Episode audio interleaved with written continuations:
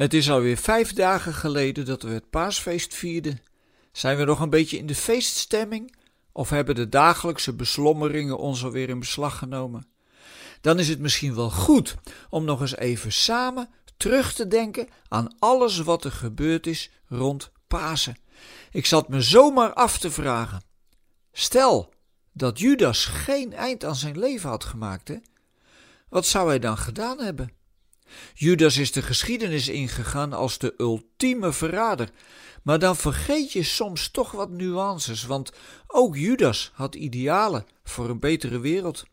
Hij kwam op voor de armen en heeft misschien wel even geholpen toen Jezus het tempelplein schoonveegde, want dat was zijn taal: actie, radicaal zijn.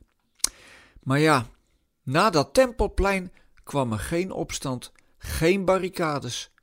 Is de radicaliteit van de liefde dan iets anders? Jezus en Judas hadden allebei idealen, maar ze hielden elkaar tegen om over te stappen van de droom naar de werkelijkheid zoals zij dat dan zagen. Misschien heeft Judas voordat hij een einde aan zijn leven maakte wel gestameld: Vader, vergeef het mij, want ik besef niet wat ik gedaan heb. Zijn droom werd geen werkelijkheid meer. Als hij nog in leven was gebleven, zou hij dan een opstandsbeweging begonnen zijn tegen de Romeinen? Zoals de Zeloten, die met geweld het koninkrijk van God wilden stichten door de Romeinen het land uit te jagen. Uiteindelijk heeft het allemaal rampzalige gevolgen gehad, met de verwoesting van Jeruzalem en het verspreiden van de Joden over de hele wereld. We weten inmiddels hoe het ze vergaan is.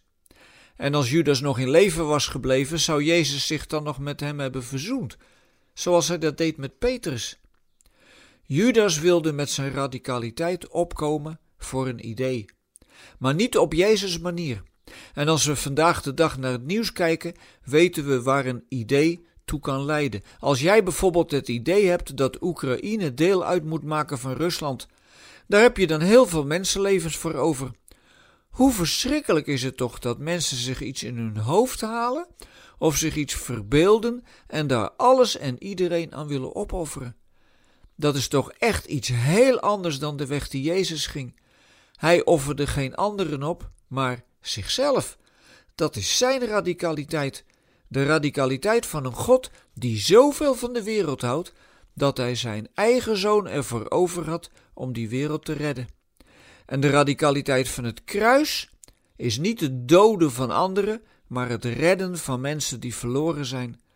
Dat heeft Jezus zijn hele aardse leven al voorgeleefd, en zijn kruisdood was daar het ultieme gevolg van. Want het is een taal die niet zoveel mensen spreken. Wij hebben het over vergelding en wraak. Maar Jezus had het over je andere wang toekeren en vergeving. Wat ontzettend moeilijk om dat in de praktijk te brengen. Maar hij vraagt aan ons of wij ook een spoor van liefde willen trekken en niet van haat.